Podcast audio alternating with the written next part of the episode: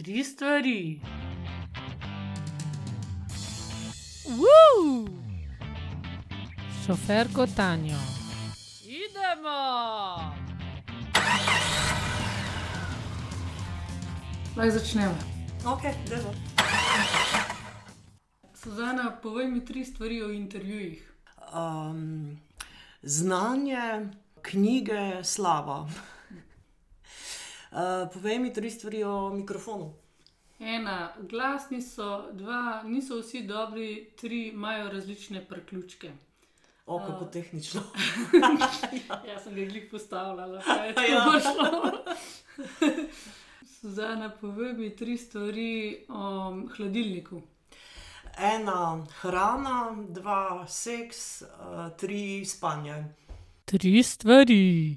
Nekaj se mi na to ljubezen gre skozi želodec, A pa, ja, pa je pa seks vedno blizu. Ne? A, Blizu ljubezni. Ja, mora biti. Ne? Ja, se je logično. Mislim, Mislim, ni, ja. ni čisto logično, ampak. Ja, za mislim, je. no. To je v redu, v redu. Ja. Um, povej mi tri stvari o kvírju. Okvir. Uh, ena okvir, uh, dve lezbike, tri parada. Uh, Aha, jaz sem sicer mislila okvir. a ja, ja, vidiš, sem, okvir, ampak jaz sem pa tako, bliz. eh, vidiš, jaz sem to razumela. Tako si padla v Sli- okvir. Slišiš, kar slišiš. Ja, ja, ja. vse kul. Ste videli naju. Takoj smo padli v lezbični kvirovski okvir, od hladilnika k seksu, hitro smo najdli skupen jezik, tako da pogovor se je kar dobro začel. Pozdravljeni in pozdravljene v čist frišnem podkastu Tri stvari. Hvala, da ste kliknili in dali možnost čisteni novosti.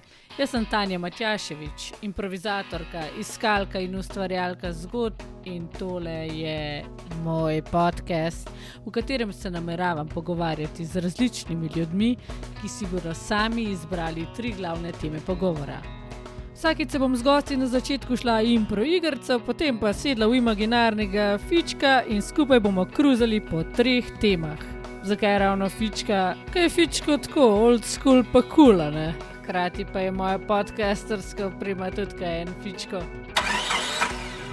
Ne dela vsakič. Moja prva gostja je Suzana Tratnik, njene teme pa so pisanje, sanje in boj. Les start. V improvizaciji zmeraj govorimo o tem, da pač izkoristimo napako, zato da iz tega potegnemo novo zgodbo. Tako da, Se to se mi zdi, da je možno tudi pri pisanju, ne? kadar se zelo motim pri zgodbi in včasih to naredim. Na laž, ko pišem in mi ne gre, uh -huh. in pa si pustim ono free flow. Ne? ja, ja, Da Zdaj ja. bom pa pisala slabo in neumno. Ne? Uh -huh. In pa začnem pisati in si izmišljam nemogoče zaplete in gori dol, in pol nekaj odkriješ novega, zaradi tega, ker ni skrbi pred napako, ne? ker grem tist, da ima narediti napako. Ne? In to sem naredila tudi enkrat na literarni delavnici za nalogo, uh -huh. pač vaja, ne vem, naslov zvezek. In da napišejo slabo zgodbo, uh -huh. da se potrudijo, in je šlo zelo težko. Uh -huh. Ni bilo nič slabo preveč. nič ne. Ampak je fajn tudi, da vidiš, kaj je za to napaka. Ne? Ja, da Naredijo, če jo poznaš. Ne? Ti si tudi izbrala tri stvari, o katerih bi se rada pogovarjala danes, in ena od teh je bilo pisanje, do katerega smo zelo hitro prišli.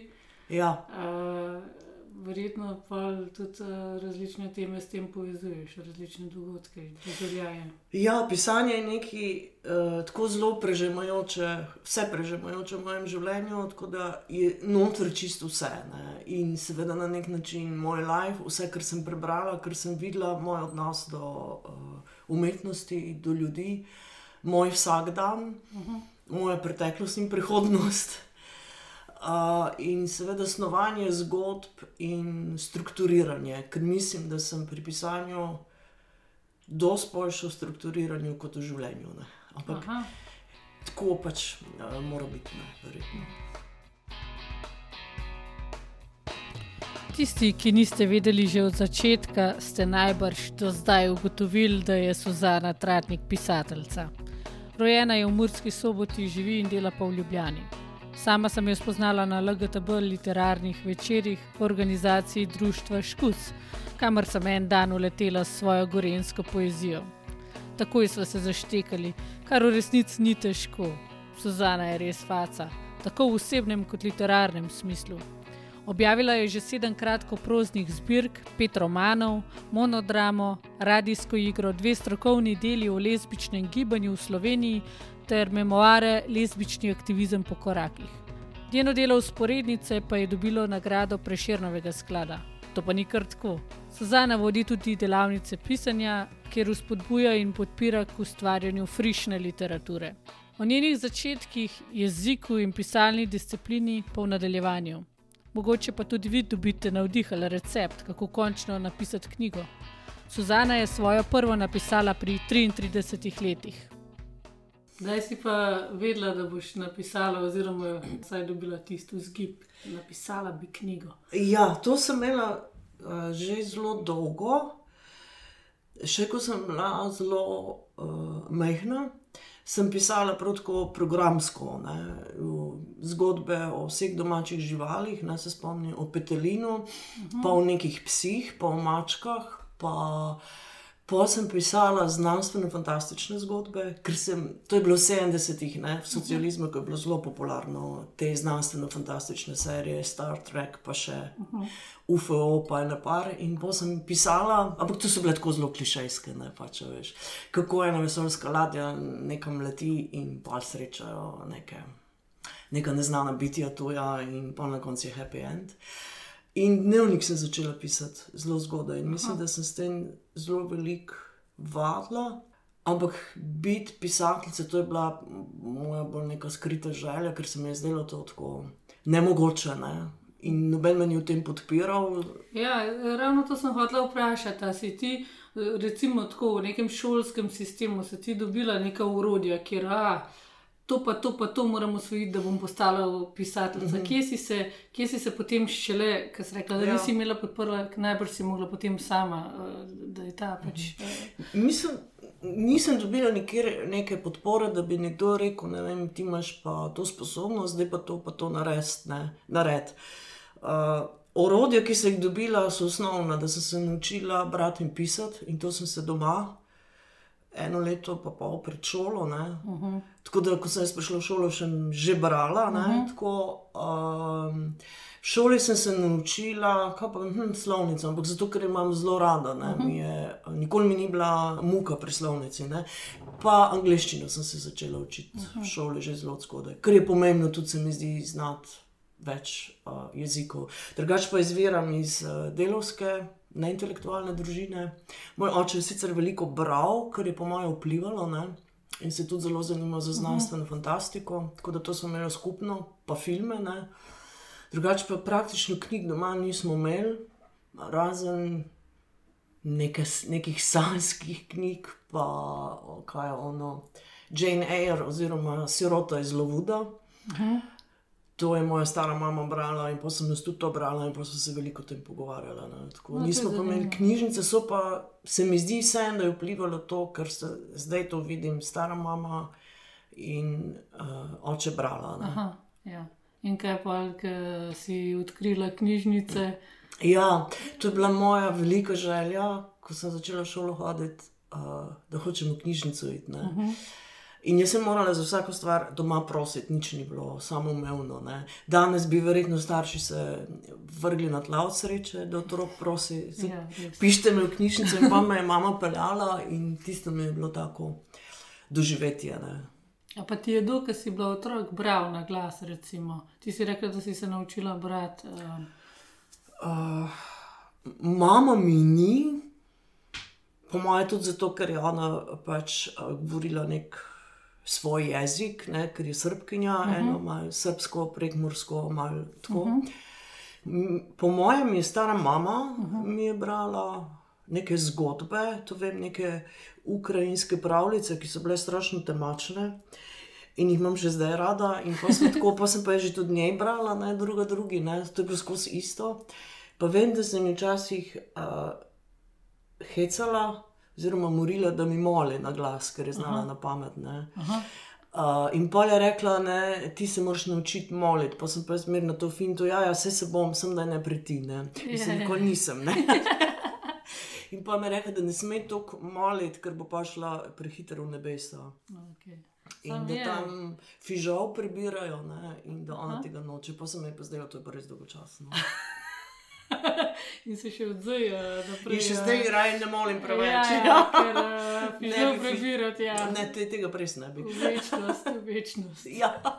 Uh, ja, mogoče ta tudi besedni zaklad nekaj usvojiš, s tem pač krepiš, lahko bereš, konc koncev poslušaš tudi molitve, ampak so tu neke nove besede. ki Ja, ja, ker to je en ritem. Ne? Uh, Ja. ja.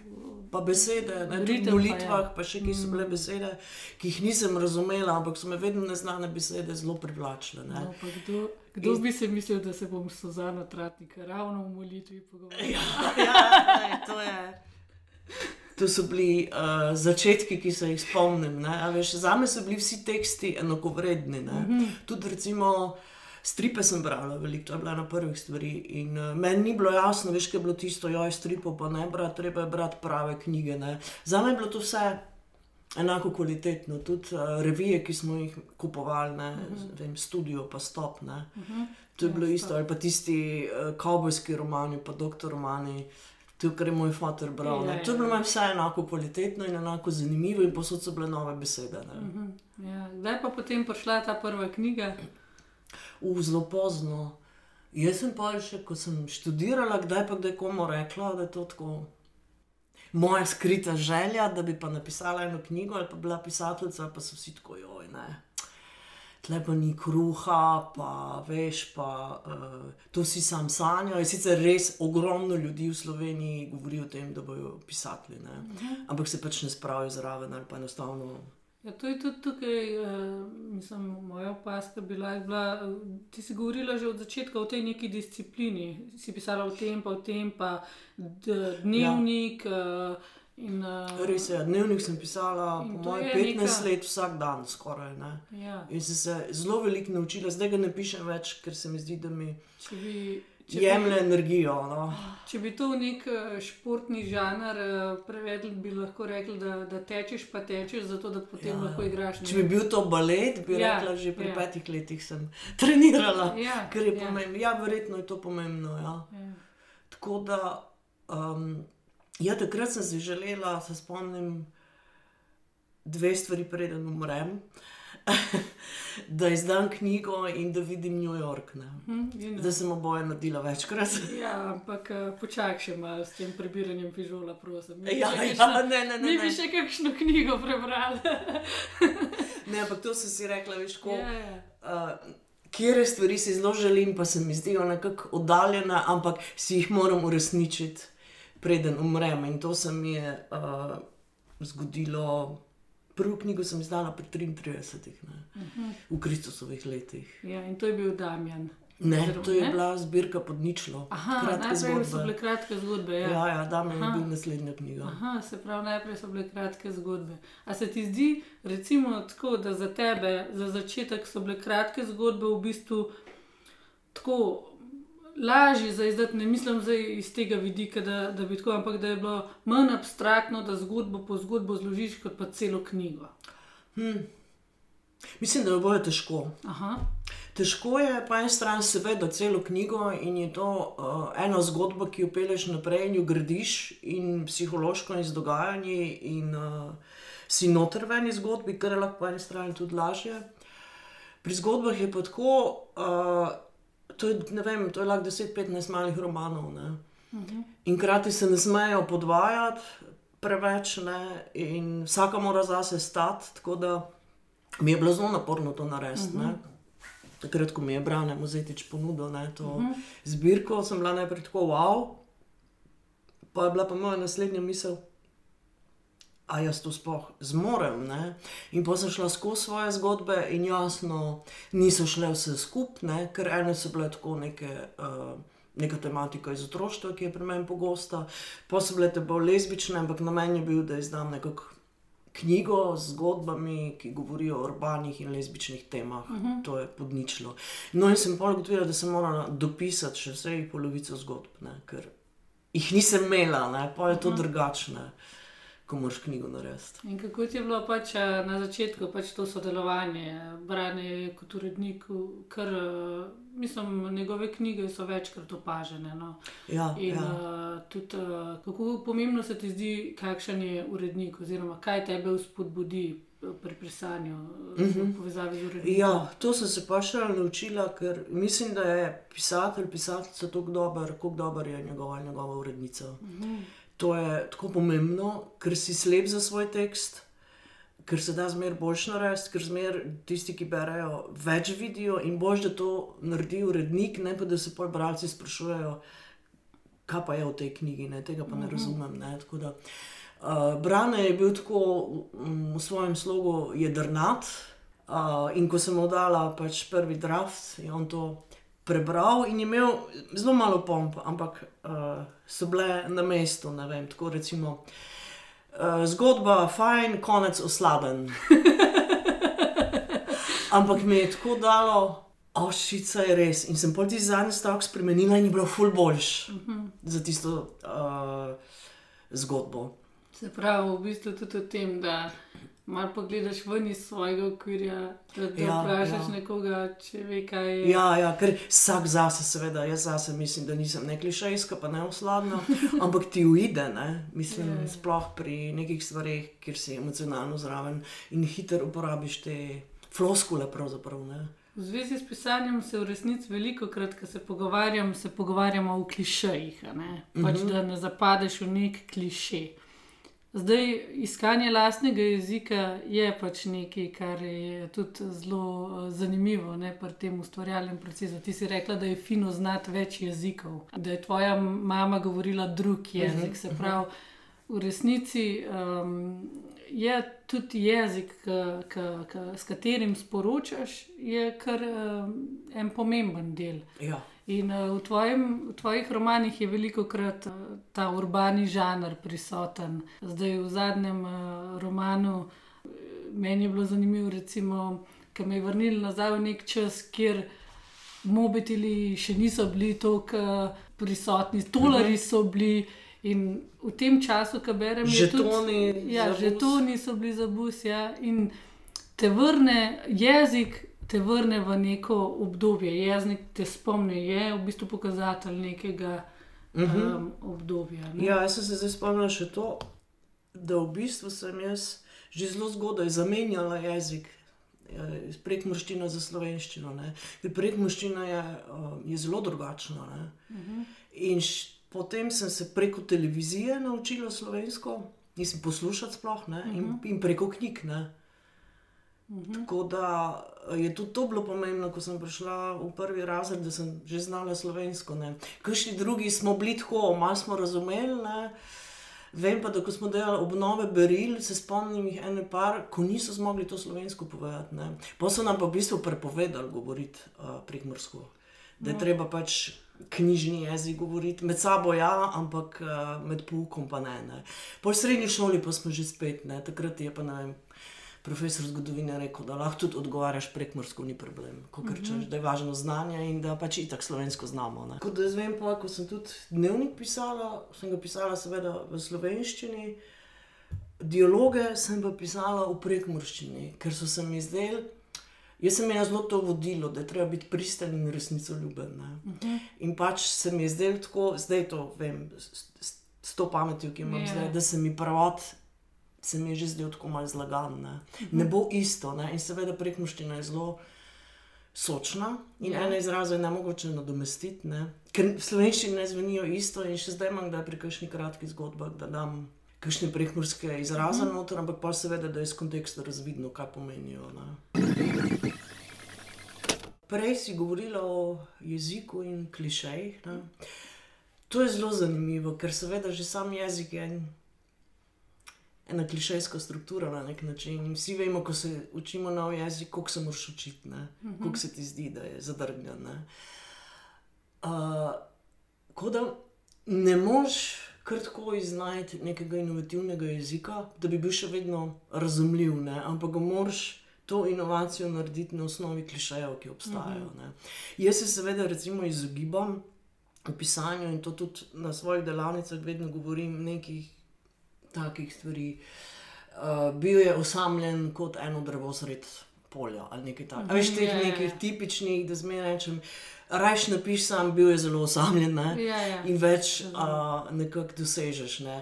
Uporabim pa kdaj namerno klišeje, recimo tudi, da je pontonske mostu, ne? ampak nekako je to del nekega življenjskega sarkazma. Ne? Mhm, Recimo, ne vem, če zapišeš. Ne vem, Uh, tako je bila zaljubljena, da bi se kar ubila. Uh Mhm, -huh, veš, ampak je v tem smislu, ja, točno tako to doživljamo. Ja, ne. ja, ja. Prišla kot legenda, odšla kot. Ugasne na radio. Ja. Tako je bilo, ja. sem se kar nasmejala. Ja, tudi Pontonski most je ena tako zanimiva, eh, iz mojega vidika, mešanica tega urbanega, No. no. tega. Tle imam podoben postopek, se zdaj ugotovila, kot sem imela v dnevniku, da so pogovori v nekakšni urbani ljubljanščini. Ne? In to ni bilo od začetka, to mi je kar naenkrat pol. Uh, prišlo na misel, ker gre pač tudi, seveda, za 90-ta in za en kup izrazov, ki so bili takrat popularni, in tudi kako se junakinje pogovarjajo o sceni, uh, o tem, kako so se zabavale, kako so pile, kako so se kregale, um, kakšen odnos imajo do česa, tudi o zadevanju. To je že vse sam, sam po sebi, je tle velik žargona. Ne? In ga Ja, če, hočete, če hočete vedeti, kaj je bolnica, preberite ja. knjigo. Uh, in uh, tudi podprite Suzano, ker uh, ja, knjiga je res fajn. Odlomek iz romana Pontonski most.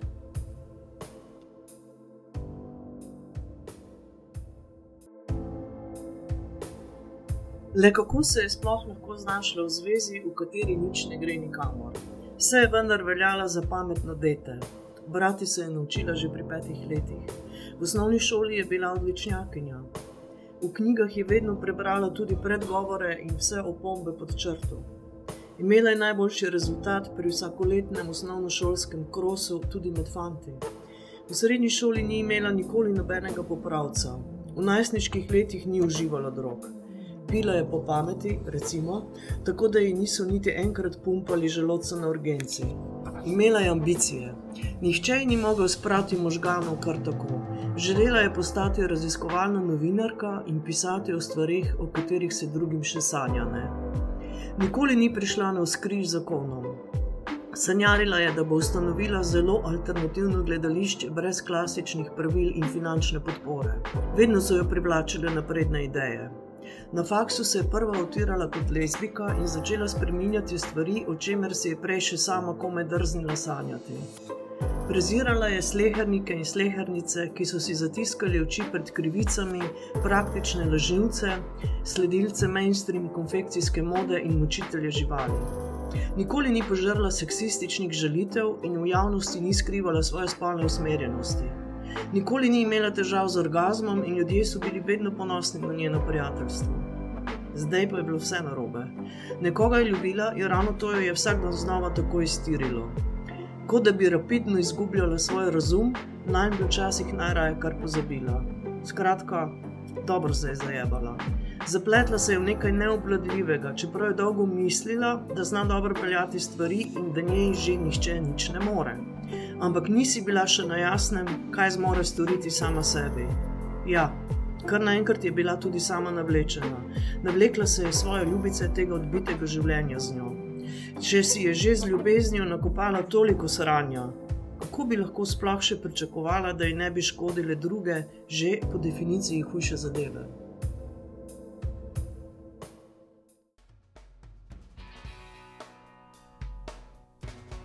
Ja, tole je bila Jana, glavna junakinja Pontonskega mosta. In čez Pontonski most smo prišli do Suzanine druge teme in to so sanje. Kva se pa vam kaj sanja? Meni se je na zadnje v pomarančah, pa v prijateljici Maji. Enkrat se mi je sanjalo, da je Nataša Sukič šla na Luno. Resno, medve pa bova v nadaljevanju govorili o lucidnih sanjah, tudi Black Mirror bomo omenili in pa o Norhausu na vrhu hriba. Kaj ima to veze sploh s sanjem? Pošlušte! Odnegdaj so se mi zdele zelo zanimive sanje, zato ker so pač zgodbe. Mm. In se mi je zdelo tako privilegij, da greš spat in si kar v enem svetu, pa ne veš, a boš ali ne boš sanjal in kaj boš sanjal. In uh, da so lahko zelo zanimive, grozne. In pa seveda kasneje, ko sem zelo veliko brala. Uh, Tudi Freudovo interpretacijo sanj, ki se mi zdi fantastična knjiga, ne?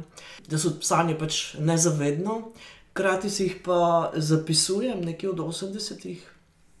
In uh, mi je bila to tudi ena taka veščina, ker sanje je zelo težko zapisati, včasih, ne? ker je občutje in ne, mož, ne veš, kako to pretopiti v mhm. besede, in se moraš zelo potruditi.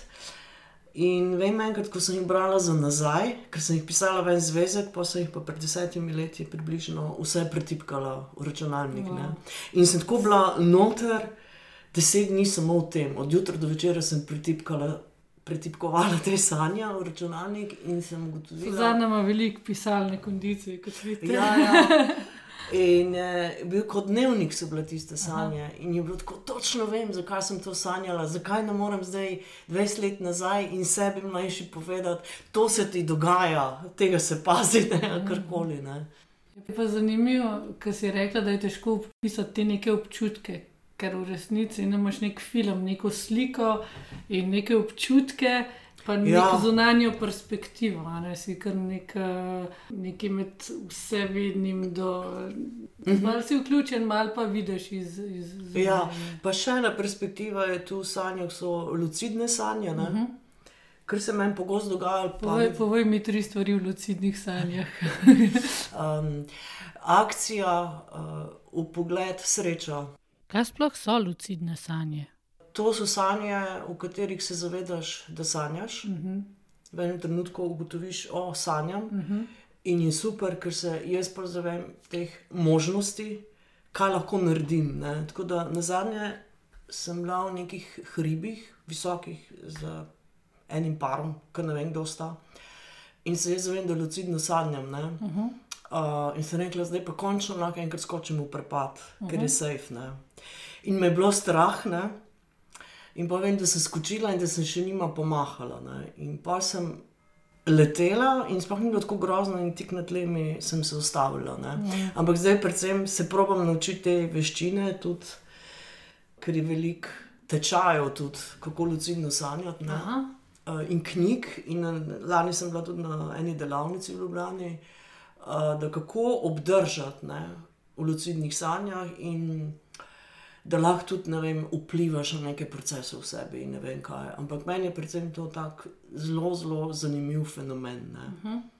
Ja, takrat, ko se zavedaš, potem uh, je kot tiste knjige, veš, kaj si imel. Nadaljuj, če želiš to, nadaljuj na tej strani, če želiš to, nadaljuj na, na, na tej mm -hmm, strani. Mm -hmm. Včasih smo brali te neke knjige. Ja, ja, ja. Neki Marko Polo, pa ne vem, ja, kaj je ja. že bilo. Netflix je posnel en eno epizodo tako. Lih pred dvema letoma je prišla ven na no, uh, Black Mirror. Black Mirror. Je eno to, da pač izbiraš uh mhm. -huh. z delincem, kje naprej boš gledal. Aha, pa kaj, in je ne vem, ogromno kombinacij, kako se lahko izteče ja, tista uh, epizoda. Ne. To je tudi ena zanimiva stvar, kako v bistvu uh, nek uh, bralec, nek gledalec poseže v zgodbo. Ja. Uh, in v bistvu tudi rekla, si, da si imela sansko knjigo uh, doma, ki si bila otrok. Ne? Ja, to je bilo, veš, ja. tisto, kako bi rekla, tisto, mambo jumbo. Ja, mambo pač... jumbo, ampak si se očitno že sprašvala malo po meni sanje. Uh, ja, se... ker smo bili uh, zelo tem vzdušju. Mogoče predvsem moja stara mama veš to prerokovanje iz uh mhm. -huh. kart in kave.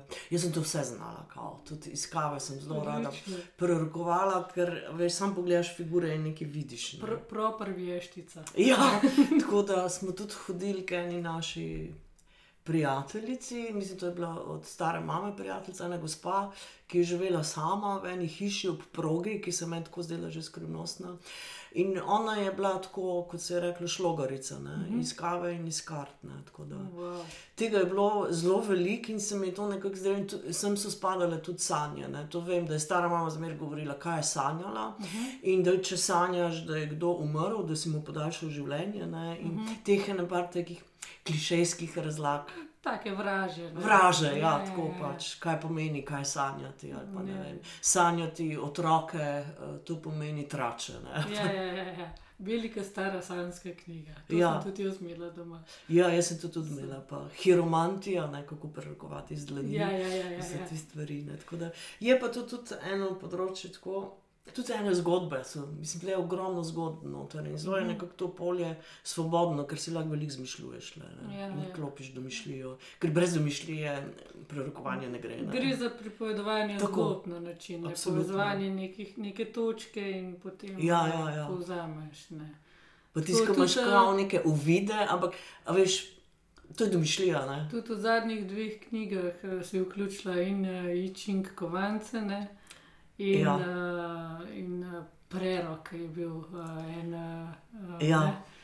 Tako da v bistvu je zanimivo, da tudi to uh, vključuješ vse. Ne. Ja, Vse ker je to je nekako- v bistvu neka urbana, potem pa prerokovanje.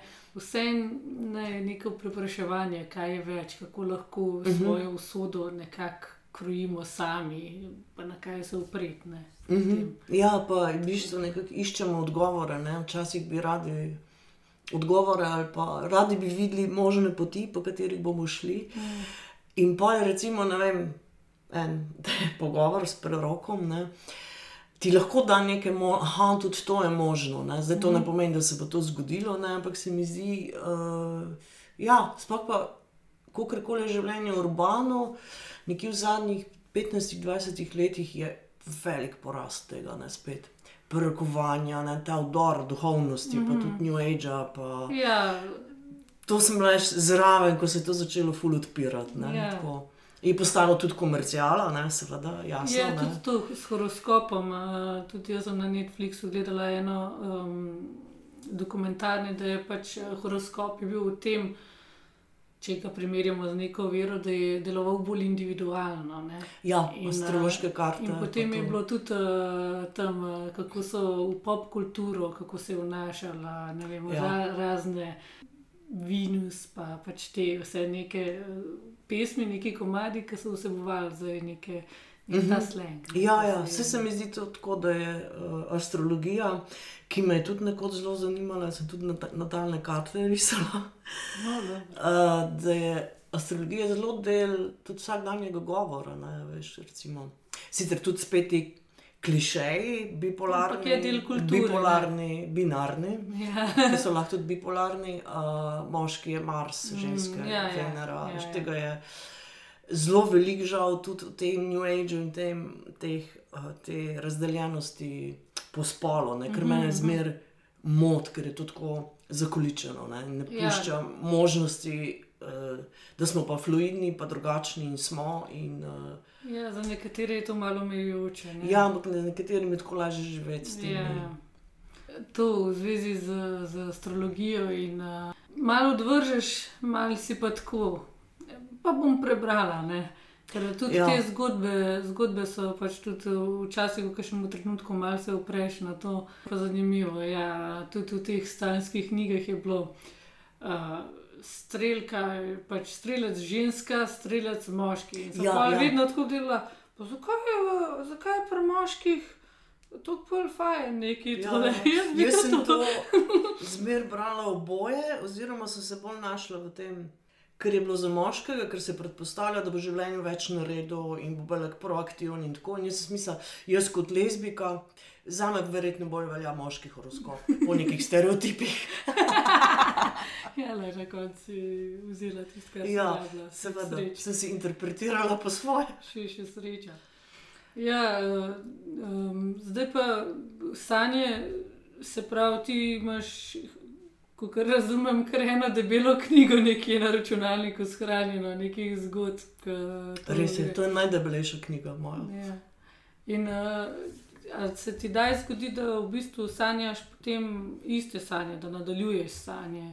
Da, ne, vem, da se Ne, imela sem to zgodba. nekoč, predvsem ko sem bila mlajša, so se mi ponavljale iste more.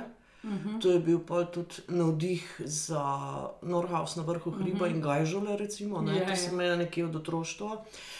Ime sem sama podala tej napravi, ne, tako mi je zvenelo, da je to to.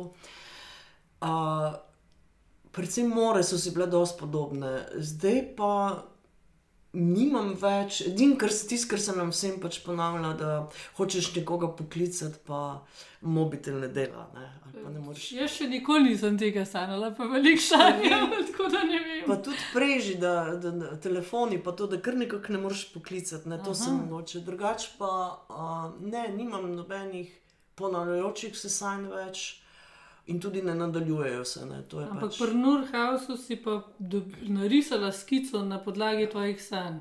Ja, to sem sanjala, sem takrat neke more so bile, mislim, da je bilo tudi neko nadlegovanje. Ampak pol sem jaz to takoj videla uh, kot nekaj, kar bi lahko bil roman. Uh -huh. Takoj sem videla kot roman, čeprav sem pa tudi večkrat spremenjala in s tem uh, umorom in kako se to zgodi, oziroma ubojem, ne, kako se to zgodi. Uh, in sem videla ta kraj. In sem narisala, zato da ne pozabim, predvsem zaradi uh, tega, ker sem mislila o tem pisati. Ne vem pa več zdaj, koliko so bile sanje, pa koliko sem jaz dodala. Ne, tako. Mhm. Ja, zdaj. Ker je, je nekje na zgodba, istem ja. polju, domišljija je. ne. In tudi ta skica je tudi na začetku tega uh, romana. Uh, ja. Glavna junakinja je potem pač naredila zemljevid tega. Zemljevid kraja, tega, ja, in Ja. je to uh, oddala takrat v šoli in ni bilo v redu, ne, ker se je Je. norca delala. Hej, hej, kako vam gre? Uf, jaz sem ravno ta segment enkrat že posnela in to z ugasnjenim mikrofonom. Ampak le, stvari se bodo izboljšale. Suzana je le moja prva, gostja. Haha. No, um, kaj sem zdaj hotla? A Ja, ja, um, v zadnjem segmentu podcasta bomo govorili o boju v dve opornici. Suzana, poleg tega, da je pisateljica, je tudi soustanoviteljica lezbične skupine LL v Ljubljani in sodelavka festivala LGBT filma. Festival je bil prvič organiziran leta 1984 v okviru festivala Magnus in velja za najstarejši festival LGBT filma v Evropi. Up, up, up!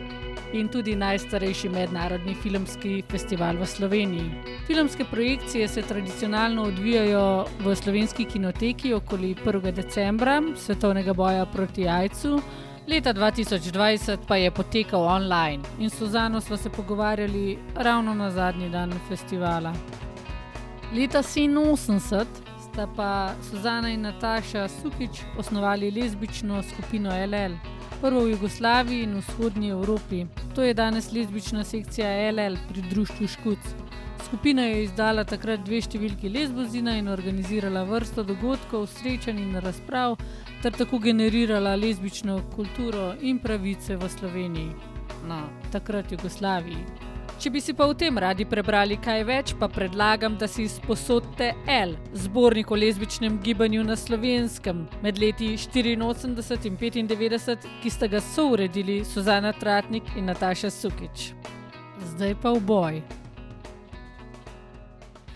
Ja, še ena stvar, o kateri si hotela govoriti, je pa boj. Uh -huh. Um, zdaj, najprej me zanima, pač boj že tako kot beseda, kako si jo ti predstavljaš. Boj. Meni se nariše, ker boj je prav en tak kmečki punt. Uh -huh, uh -huh. Jaz pa prav vidim besedo napisano, te Aha. Aha. tri črke B, O, J, zaradi tega, ker ima toliko pomenov, ne, kaj je boj. Tudi, seveda, se povezuje z vojno, uh -huh. ampak to ni asociacija, ki me zanima. Uh -huh. Predvsem pa vidim jaz kot identifikacijo Uh -huh. in v tem smislu tudi gradnjo identitete, kakršne koli. Mislim, to, kar si in nekako se mi zdi tudi. Zdaj, če bi rekla, še ena stvar, ki je povezana z bojem, je samorefleksija. Uh -huh. Če jo imaš, potem lahko tudi ugotoviš v nekih okoliščinah, da je boj edini in nujni izhod ali logično nadaljevanje. In za me je pač to, kako greš skozi life, je boj. Uh -huh. In to lahko naletiš v vsakem trenutku, ko se z nečim ne strinjaš. Jaz sem imel zelo veliko tega, že od osnovne šole naprej, recimo te omejitve punca si. Uh -huh. To je bilo prvo, kar sem se supirala, ampak to zato, ker sem si z eno. Erno dopisovala, dolgo glede drugih stvari, in me je ona nekako napeljala na ta feminizem. In jaz pa nisem vedela, da je to možno. Čeprav ona ni govorila o feminizmu, ampak o konkretnih stvareh. Recimo, ne.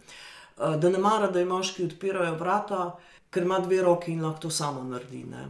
Rekla pa, pa me bojo pa osvajali, tega ne rabim, če nisem dala dovoljenja. Ne. In je bilo meni tako, wow. In pa je rekla tudi, da ne mara nositi kril, da sam hlače. Ne. Da, zakaj nas posiljujejo, da nosimo krila, če tega nočemo? Ne? In pa sem tako, ja, pa res. Ne? In takrat sem začela hlače nositi, izključno. Uh -huh skoraj nikoli nisem več oblekla krila, predvsem zato, ker sem mislila, pa sej, pa celo poletje se sekiram, ko se vozim na kolesu z eno roko, držim volan, z drugo pa kiklo, da mi je ne dviguje. Kako neumno, sam hlače si oblečeš. Ne? Ja, ja, ja.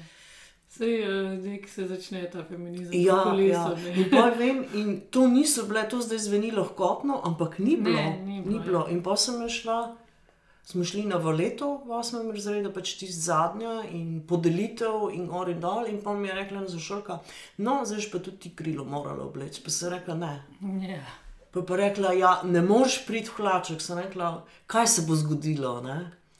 In moja mama je itak, ona se ni zanimala, hvala Bogu, za to, kako se je oblačila. Uh -huh. In sem prišla pač enih belih hlačah na valeto. Uh -huh. Ampak tako, da dokažem, da lahko in kaj se je zgodilo, nič. Ampak Je, jaz sem se morala za to odločiti. Ne? Je nekaj, kar ti vsi govorijo, ne, pa ne se izpostavljati, pa ne deli tega. Ne? Uh -huh. Se pravi, boj je na začetku neki notranji, neki sam sabo, da ugotoviš in da to izražaš. In, in ja, čas, ja. ja, to je kar pomembno. Ja, s tem, da sem odraščala tudi v družini na nek način, kjer so me vzgajali kontra, bodi tiho bodi uh, praktičen, tako rekoč, uh mhm. -huh. obračaj se po vetru, se več, večinoma so nas verjetno tako vzgajali. Če ni treba, se ne izpostavljaj, uh -huh. ker te bojo pa ne vem, učitelji imeli na piki, pa ne vem, kdo vse te bo imel na piki, in pol ti bo šlo slabo. Ne? In ti si se v bistvu borila zase, za svoj lasten izraz. Zato, da, ja, da, seveda, da, v bistvu zato ker bi jaz. Kar želiš. Kar... Ja, ker točno ja, to, kar si ja. rekla, če nimaš svojega lastnega izraza, mislim kaj boš pa živel, pa ja. izražal, mislim, brez veze. Ne? In zdaj si aktivistka. Ja, to je pa prišlo uh, nenačrtovano, seveda, ne? ker jaz prej. Uh, nisem bila skoraj nobenih prostovoljskih društvih, nikjer. Uh, Zanimala me je pač v srednji šoli muska in sem hodila na koncerte, pa pač na te zadeve. Uh, Nisem pa nikoli bila nikjer zraven, ker se nekako nisem prepoznala. Ne.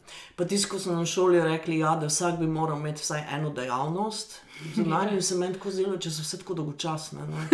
Pa nisem jih dal. Ni, pa ni bilo obvezno, prvem so že dali obvezne izbirne vsebine. Ne, je... veš, kaj sem jih hodila v 70-ih, v ja, ja. srednjo in v osnovno šolo. So vas malo ja. manj zasilali, ampak so vam ja. malo več žugali. Vem, da sem v srednji šoli hodila, ampak ne redno na nek. Literarni krožek, kjer smo nekaj pesmi brali, tako pač, ker nekaj moraš hoditi, pa to mi je bilo še najbližje, pa nisem bila neki zelo zagreta. Pa sem pa šele ja, v Ljubljani, nekako s tem, ko sem začela ugotavljati, pač, um, oziroma se razkrivati kot lezbika, uh -huh. pa sem ugotovila, da je to pač zelo povezano z bojem. Ne? In jaz mhm. nisem vedela, da se temu reče aktivizem. Ne? In pa sem prišla prvič, sem bila v tujini, in pa mi je nekako bilo jasno, vse, kar imajo na zahodu, imajo zato, ker so se to borili in ker so eni rekli, da ja, to rabimo, to smo. Uh, pa sem pa zelo odpadla na začetku. Mm. Ja. Z Natašo Sukič smo zelo resno delali na tem. Mm. Ja, za kar sem vam tudi jaz hvaležna po eni strani, to ti moram povedati. Ker, uh, ja, pač, hvala, ker marsikdo misli, da je bilo samo umevno, da smo tu, kjer smo. Ja. Seveda, to je delo ogromnega števila ljudi. Ne. To je pač delo ogromnega števila ljudi, ker pač tudi ta pozicija ženske je pač ste jo preoprašali. Ne? In tukaj se mi zdi tudi zelo pomembno, da pač eh, se ne obstane, ne? ker eh, časi so tudi zdaj taki, da ne vemo, ne, če pogledamo, kaj se je zgodilo na polskem. Ja. Za vse tiste, ki ste morebiti zgrešili razlog za množične proteste na polskem, samo kratek povzetek. Ustavno sodišče na polskem je oktober 2020 presodilo, da je splav prepovedan tudi v primeru razvojnih nepravilnosti zarodka, zaradi česar je bilo upravljenih kar 98% splavov na polskem. Poljska je s tem praktično prepovedala splav. Splav bo po novem zakonu torej dovoljen le še v primeru posilstva in cesta ali če bo ogroženo življenje matere, pri čemer pa še vedno lahko pride do ugovora vesti strani zdravnika. Ta odločitev tako v praksi pomeni totalen nadzor države nad ženskim telesom. Poljski desnjakari pa bi radi odstopili tudi od Istanbulske konvencije, k čemer naj bi pozivali tudi Slovenijo.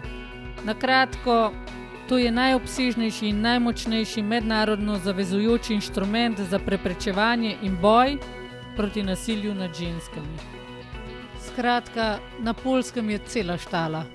Plav Poglejmo, je- kaj se dogaja v Sloveniji. Ne? Mislim, Tudi uh, zdaj, zdaj smo tako na trnih. Ne? na trnih. na Ja. trnih smo. Zdaj ja. lahko zdrsnemo čez ali pa.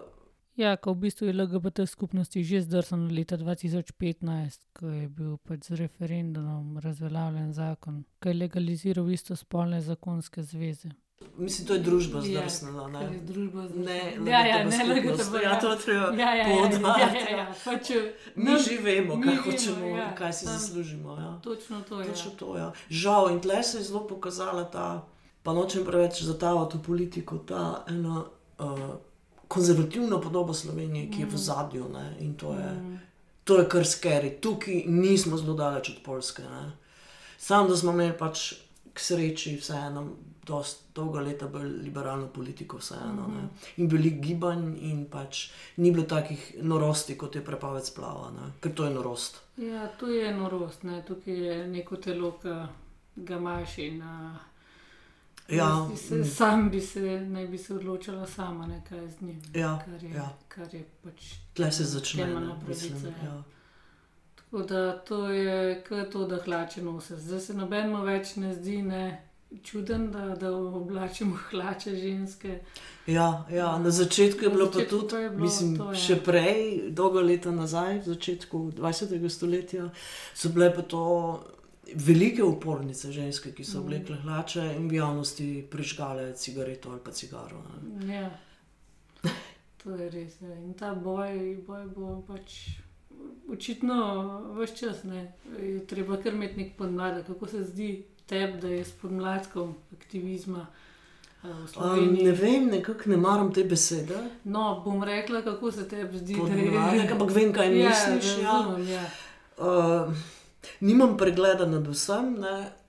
Pol moram reči, da je zelo veliko skupin zdaj uh -huh. v LGBT skupnosti, ki delajo različne stvari. Jaz se še zmeraj nekako najbolj najdem pri teh lezbičnih inicijativah, pri uh -huh. Škucu uh -huh. in ker je Škuc malo tudi tako ostal revolucionaren. Ne. Še iz tistih uh -huh. uh, bolj mogoče rdečih časov. ko smo Časov začeli- fička. Ja, iz časov fička smo nekako še tam in bolj tako tudi nekako so vključena in ta razredna vprašanja. In, uh, Ja. Ni ta EU aktivizem, mm -hmm. ki je že profesionalizem, v bistvu s plačanimi funkcijami. Recimo, jaz za svoj aktivizem nikoli nisem bila plačana. ne. Uh, in zdaj več nisem tam in tako imam za svoj poklic in tako. Mhm. Uh, tako da se mi zdi po eni strani, da je malo manj te, tega revolucionarnega duha pri mlajših, uh -huh. zaradi tega, ker seveda ene stvari že dobijo na krožniku in zato smo se tudi borili, uh -huh. da lahko pogledajo na internet, pa vse dobijo, pa da vejo, da obstaja to, pa obstajajo skupine, uh -huh. pa zdaj 20 let je že parada ponosa, ker je super. Ne? Ja, ja. Ker uh, to je neka, neka možnost, kamor greš in se pokažeš. Se mi pa zdi, da je pa tudi zelo, kar jaz zelo pogrešam in po moje to pogrešam na mestu tega podmladka, to neko družabno življenje, ki ga je bilo nekoč zelo veliko. Ne? In je bil K4 in so bili dogodki in je bil. Takrat zelo močan lezbičen klub na uh -huh. Metelkovi. Ne. Tega je malo manj. Zdaj- Skupnost. Probamo se z lezbično četrtjo obujati Ja, yeah. ja. s festivalom, ki bo naslednje leto spet, upajmo, da v živo. Ja. In tako pridejo tudi, uh, se mi zdi, lani, da je bilo, oziroma letos, septembra, da je bilo zelo dobro, ker smo povabili prostovoljke in pa smo mislili, pa kje bojo sploh, prišle. In bolj vas je prišlo deset skoraj. Mm -hmm. Uh, ki so pač sam čakali, da pridajo in da začnejo delati, in da se družijo. In... Točno to, ta prostor je zelo pomemben. Pač, da ja. nekam pač gremo, da, da, da se nekje vidimo. In pač zdaj, ja. zdaj, sploh v teh koronskih časih, ko tega ni, tudi če je neka virtualna stiščišče, vse je fino. Ja. Ampak ja, to, da, no, tudi, se tudi vidi, kaj, kaj delamo. Pomislim, da je bilo spet fajn, pol, ko bo pač možno organizirati samo eno tako srečanje eh, aktivistk, lezbične četrti in prostovoljk in vseh tako. Da se dobimo nekje. Ne? Ja, ja, kontakt eh, je fajn. Ja. Pa tudi uh, zanimivo je, škucije na različnih področjih, mislim, umetnost je tukaj. Ne, ja, to je res. Ja. Na spredju je velik, velik bazen, vse smo lezbike, ampak smo pesnice, fotografinje. Uh, konc koncev uh -huh. tudi. Uh, ja, in to v bistvu hočemo pri ja. festivalu, da ne to, da smo lezbike, ampak ja. kaj počnemo v lezbični umetnosti, kulturi, politiki. Uh, Uh, zato hočem imeti filme, glasbo, ne, ne vem, stand-up. Uh. Ja, ja. Zelo, zelo to je meni tudi zanimivo. Pač ja. Četrt, četrt, eh, ki je sestavljena iz različnih. Ja, ja. Uh, se tega izraza se je spomnila ja. pesnica Kristina Hočevar, ja, ja. lezbična četrt. Ja. Ker smo imeli takrat, ko smo naredili prvi festival, je bilo 25 let od ustanovitve, se pravi četrt mm -hmm, stoletja, ja, ja. in pa še kot četrt v mestu, oziroma nekako, kako bi rekla, v naših glavah. Ja, ja. Pač mi, me vidimo. Uh, tudi, kako bi rekla, neko lezbično Ljubljano, ki je noben drug ne vidi, ali pa ja, ja. lezbično ja. Slovenijo, ki Sveda. obstaja, ali pa tudi Jugoslavija. Ja, in jo tudi iščemo. Ne? Ja, ja seveda. Uh, ja, zanimivo je. Hvala za te stvari. Um, tudi uh, sodeluješ pri uh, festivalu LGTB filma, zdaj ravno, ker to snimamo, poteka. Ne? Ja, danes je zadnji film še. Danes je zadnji film, letos poteka na drugačen način, kot druge, kako ste se pa s tem spopadali. Uh, Aha, ja, nekako so. Ledino orali že drugi festivali, Liv in mhm. Animoteka, tako da. -huh. zdaj to nekako se zelo hitro vzpostavlja pač na tej platformi CineSquare.net.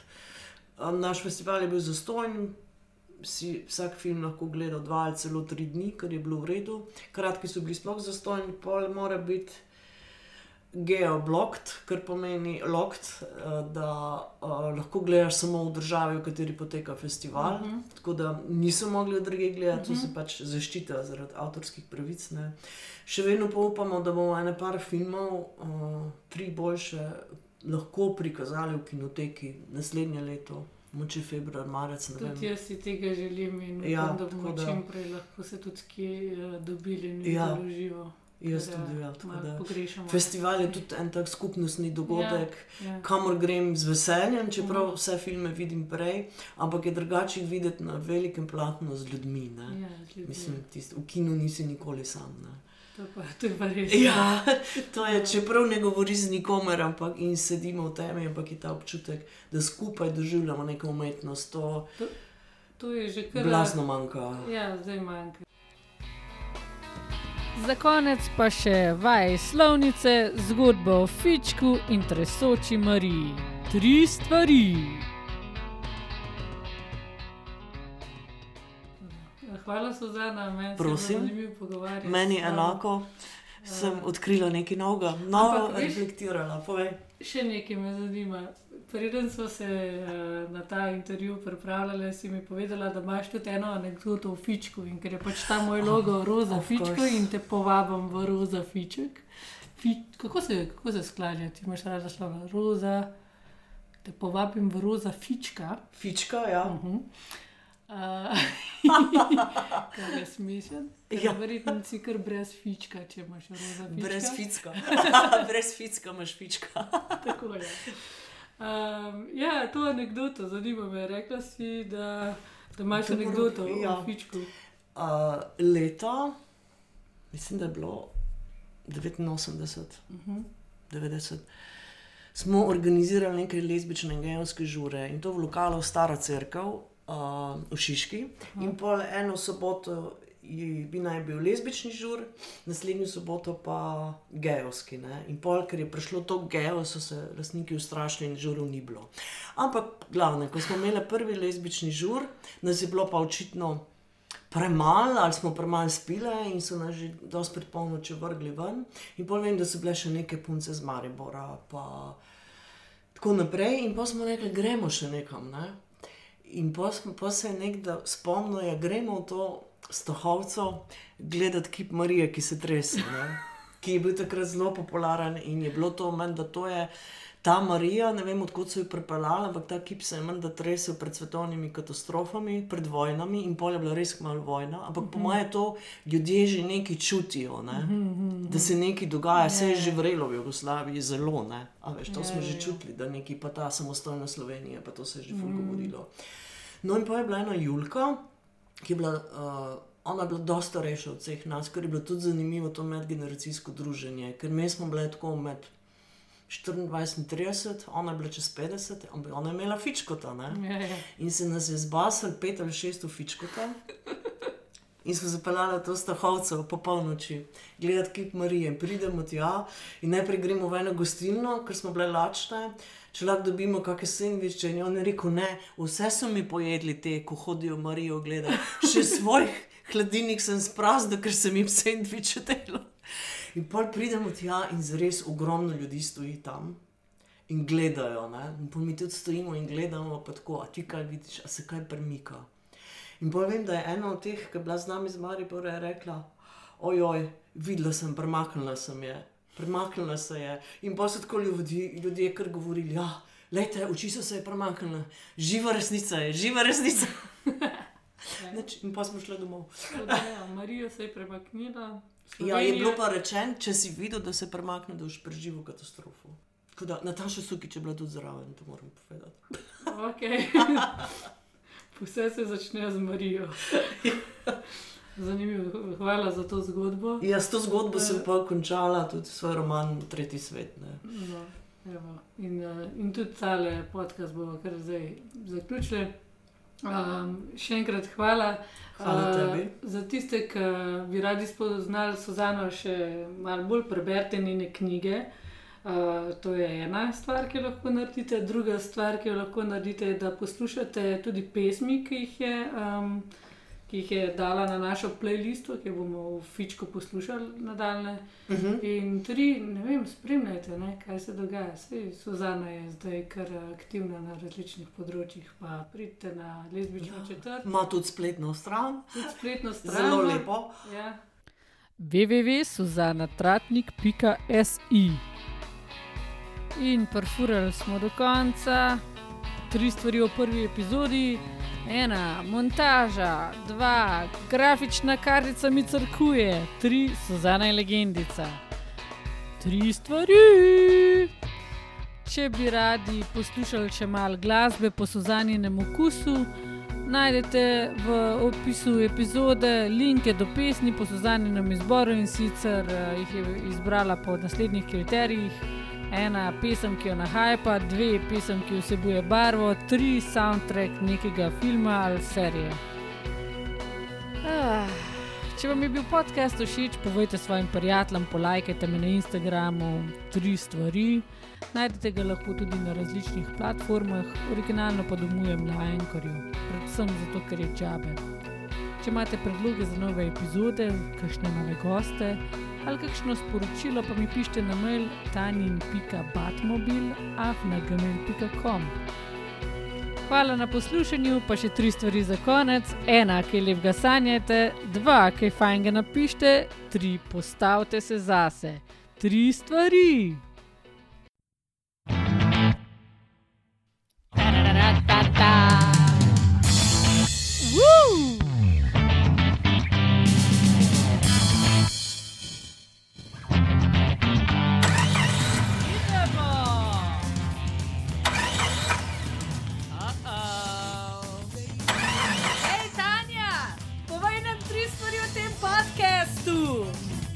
Ena, posluša se ga lahko v avtu. Dve, kava. Tri, Končan je tukaj, tri stvari.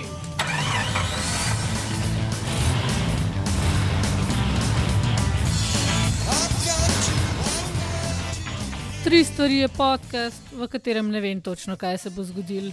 Vem pa, da bom gostila različne ljudi, s katerimi bom predebatirala vsaj tri stvari.